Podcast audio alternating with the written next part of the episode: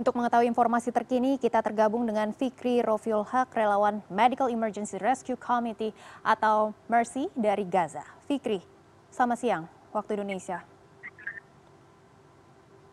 Ya, selamat pagi waktu Gaza, Mbak Megi.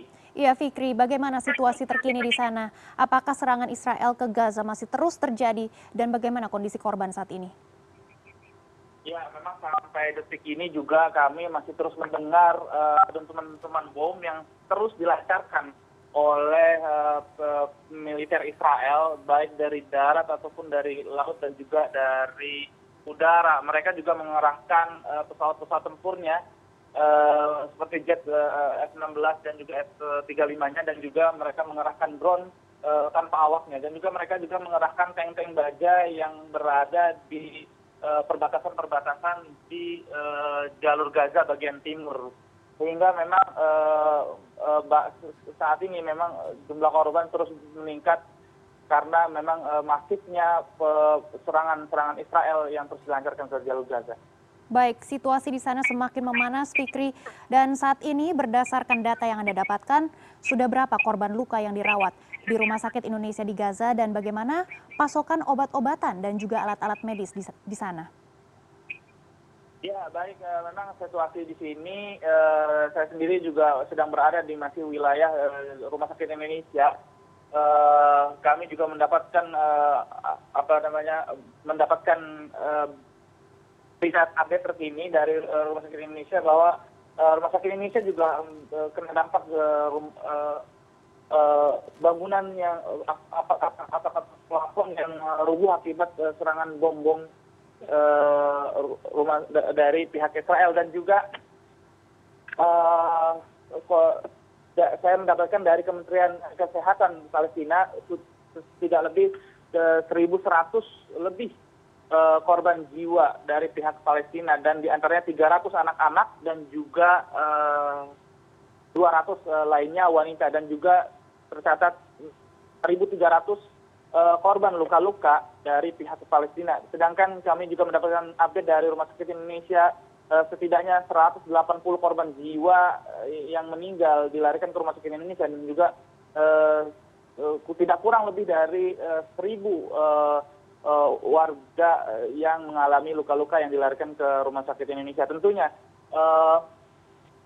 karena terus berjatuhan korban korban luka rumah sakit rumah sakit yang ada di jalur gaza mereka mengalami krisis obat obatan dan uh, dan mereka juga sekarang sedang membutuhkan uh, bantuan obat obatan dan juga uh, tim medis karena uh, di mana mereka juga sudah bekerja 24 jam karena korban yang terus dilarikan uh, ke rumah sakit rumah sakit Indonesia Eh, selalu berdatangan sehingga membuat eh, kelelahan eh, para para medis yang ada di rumah sakit di jalur Gaza. Baik Fikri, saat ini sudah terjadi krisis obat-obatan dan juga tentunya memerlukan tambahan tim medis. Dan apakah ada bantuan logistik terutama untuk obat-obatan yang akan segera disalurkan untuk korban yang terdampak di sana? Uh, untuk saat ini memang uh, berita yang kami dapatkan belum ada bantuan-bantuan uh, dari luar mengingat Eh, pintu gerbang di jalur gaza masih ditutup oleh eh, pihak eh, mesir. Dan juga tapi selaku kami mersi yang ada di jalur gaza juga kami mendapatkan informasi bahwa mersi pusat akan mengirimkan lima timnya ke jalur gaza tiga di antaranya adalah dokter spesialis spesialis spesialis ortopedi spesialis traumatologi dan juga anestesi dan dua lainnya adalah insinyur dan juga relawan. Mereka eh, eh, akan eh, fokus pada bantuan medis dan juga obat-obatan dan juga stok makanan dan juga air bersih begitu. Baik Fikri, tadi Anda menyebut pintu gerbang Gaza masih ditutup dan sebelumnya Kementerian Luar Negeri Republik Indonesia telah mengeluarkan imbauan agar WNI yang berada di Palestina dan Israel segera melakukan evakuasi. Namun warga di Gaza ini masih belum dapat keluar karena jalur perbatasan masih ditutup. Apakah saat ini sudah ada upaya jalur evakuasi di lapangan?